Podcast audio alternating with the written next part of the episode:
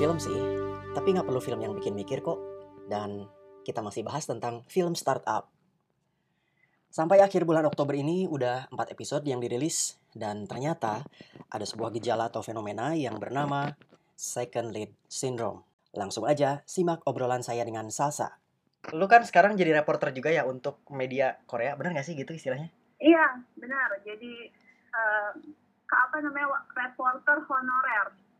Sebenarnya nggak dibayar juga dari pemerintahan Korea. Kita cuma dikasih slot uh, nama rubriknya adalah Talk Korea. Jadi semua orang dari berbagai negara dikumpulin jadi satu, diseleksi, terus kita nulis berdasarkan bahasa-bahasa yang ditulis. Kalau Indonesia rata-rata nulisnya pakai bahasa Inggris. Nah, untuk orang juga ada yang bisa dari Spanyol, berarti dia nulis pakai bahasa Spanyol, kayak gitu sih. Itu langsung dari pemerintah Korea untuk mempromosikan budaya mereka. Iya, betul. Keren banget lu, bisa terpilih.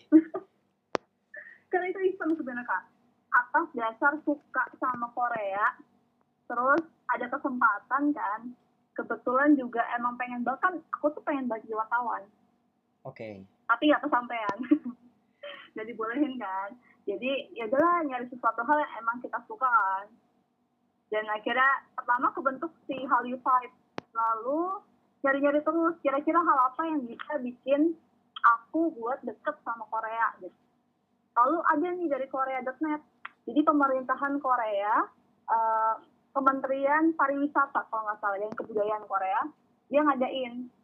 Dia rekrut orang-orang yang emang buat bikin konten gitu di website korea.net. Berdasarkan bahasa masing-masing ya? Iya. Jadi ada lima bahasa kalau nggak salah. Berarti cukup sahih untuk meminta pendapat lu soal film-film Korea ya, karena kita ngomongin film yang lagi airing nih, Startup. Oke, okay. Startup, oke. Okay. Udah nonton sampai episode 4 kan? Udah dong. Gimana? Udah. Gimana impressionnya gimana? Karena ratingnya juga cukup tinggi kan dan rame banget trending gitu Oke, okay, karena ceritanya menarik menurutmu? Iya, ceritanya menarik, terus pemerannya juga um, pemer dari pemerannya kan Suzy ya. Suzy emang udah bagus banget. Dia kan sebenarnya idol, bukannya artis kan. Yang jadi Dalmi? Iya, yang jadi Son Dalmi. Oke. Okay.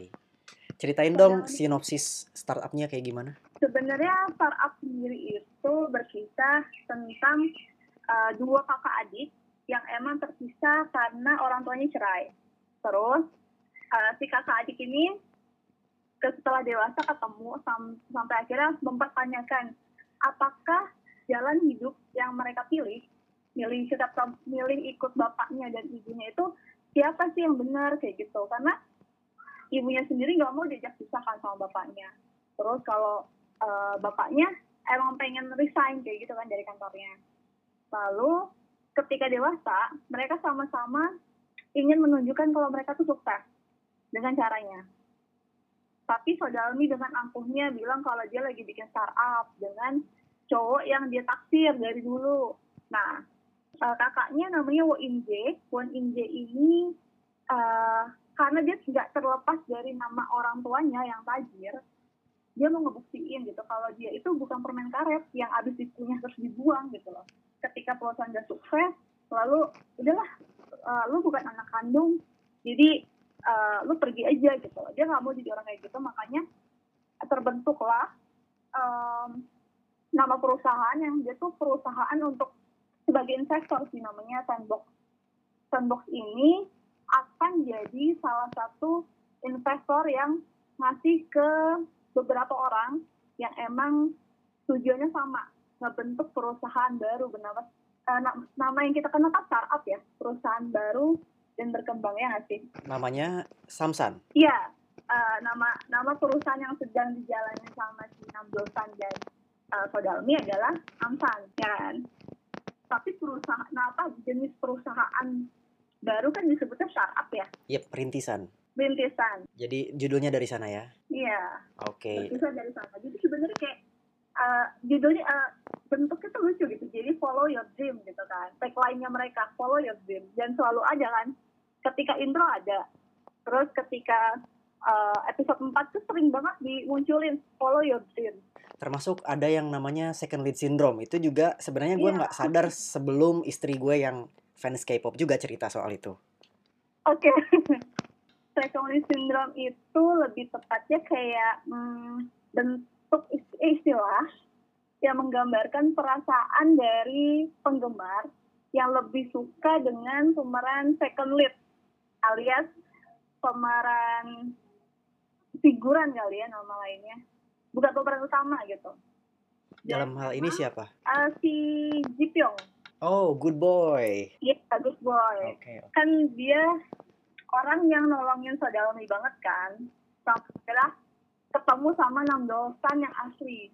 Jadi yang nyuri perhatian itu si good boy ini. Iya, jadi yang mencuri perhatian dan disebut sama second lead adalah Han Ji Pyong. Oke. Karena sebenarnya sih second lead syndrome ini karena dari awal biasanya em, director itu memunculkan em, tokoh ini lebih awal sehingga penggemar jatuh cintanya lebih dulu sama si second lead bukan sama first lead kan dari episode 1 Nam Dosan tuh nggak pernah diperkenalkan ya secara langsung. Cuma dikasih tahu bahwa ada anak kecil yang emang pinter ikut olimpiade matematika namanya Nam Dosan. Sedangkan Han Ji Pyong udah diceritain kalau dia adalah anak yatim piatu yang diusir dari panti asuhan dikasih uang kayak gitu. Kita emang udah dibuat jatuh cinta sama direktornya sama sutradaranya. Jangan-jangan si second lead syndrome ini justru si Dosan. Bukan. Jadi second lead syndrome ini sebenarnya adalah uh, peruntukannya untuk si Han Ji Pyong. Kalau misalkan dari nama, nama castnya, yang pemeran utama adalah Suzy dan uh, Nam Dosan. Bener juga Jadi sih muncul di posternya Dosan, ya. Iya, sebenarnya istilah second lead syndrome itu emang udah sering muncul gitu di drama-drama sebelumnya. Sering muncul. Sering muncul. Itu disengaja sama direkturnya atau fenomena umum? sebenarnya kalau dibilang sengaja tentunya ini udah strateginya mereka ya untuk membuat orang lain nggak bisa lupa sama filmnya Oh. jadi dari dulu itu tuh tahun 2009 kalau nggak salah ada drama judulnya Boys Before Flower pernah dengar nggak? Ingat gue. Efsu ya? Iya, Else. Oke. Tapi versi Korea. Nah, sebenarnya ini kan udah lama banget kan. Dan pemeran utamanya sendiri adalah Ibu Jungpyo alias Lee Min Ho dan em, Gem Jandi nama perempuannya Mhm. diperankan oleh Ko Hye. Oke. Nah, Ko Hye ini sama Gu Jungpyo itu sebenarnya kan pasangan di dalam satu drama. Tapi justru ada tim lain yang lebih ngedukung Kim So eh, Kim Hyun Jung, Kim Hyun Jung sebagai second lead. Akhirnya muncullah istilah second lead syndrome. Oke. Dan ada lagi tahun berapa gitu. Jadi ada reply 1988. Ya, jadi sebenarnya itu kebagi dua tim. Yang sering dimunculin adalah si hmm, Jumpal. Jumpal ini yang justru second lead. Jadi dari awal tuh uh, kan kalau misalkan reply ini adalah hmm, penonton disuruh nebak ya. Kira-kira pemeran utama perempuan ini akan jatuh cinta dan menjalin hubungan dengan siapa. Itu karakteristik dari drama reply. Oke. Nah, eh, lalu dari awal, dari episode awal, itu bermunculan em, scene-scene di mana pemeran utamanya namanya Doktun dengan si Jungpak. Iya. Akhirnya muncullah tim Jungpal. Oke. Tapi ternyata kita baru dikasih tahu kalau si Doktun ini akan jadian sama Choi Taek. Choi Taek ini adalah pemeran utamanya yang justru nggak pernah kelihatan. Iya. Jadi ketika drama udah selesai, bahkan sampai detik ini pun ini kan drama udah lama banget ya dari tahun 2015. Oh. Sampai sekarang masih masih keinget sama orang-orang. Oke. Dan bulan sekitar tiga bulan lalu atau dua bulan lalu itu bahkan pernah trending di Korea, trending di Indonesia karena uh, orang-orang masih masih belum bisa move on dari second lead syndrome. Oke. Terakhir sa, selain startup ini ada film rekomendasi lain yang mau lo ceritakan? Hmm, temanya apa dulu nih? Banyak ya, tergantung tema.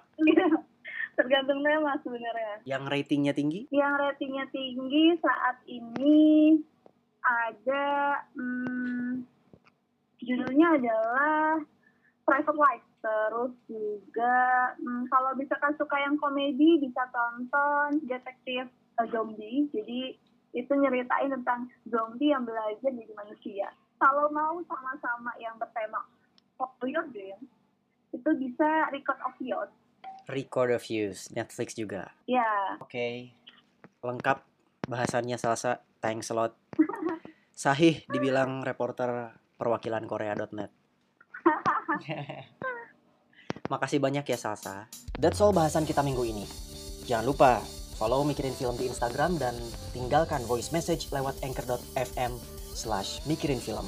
Minggu depan kita ketemu lagi ya.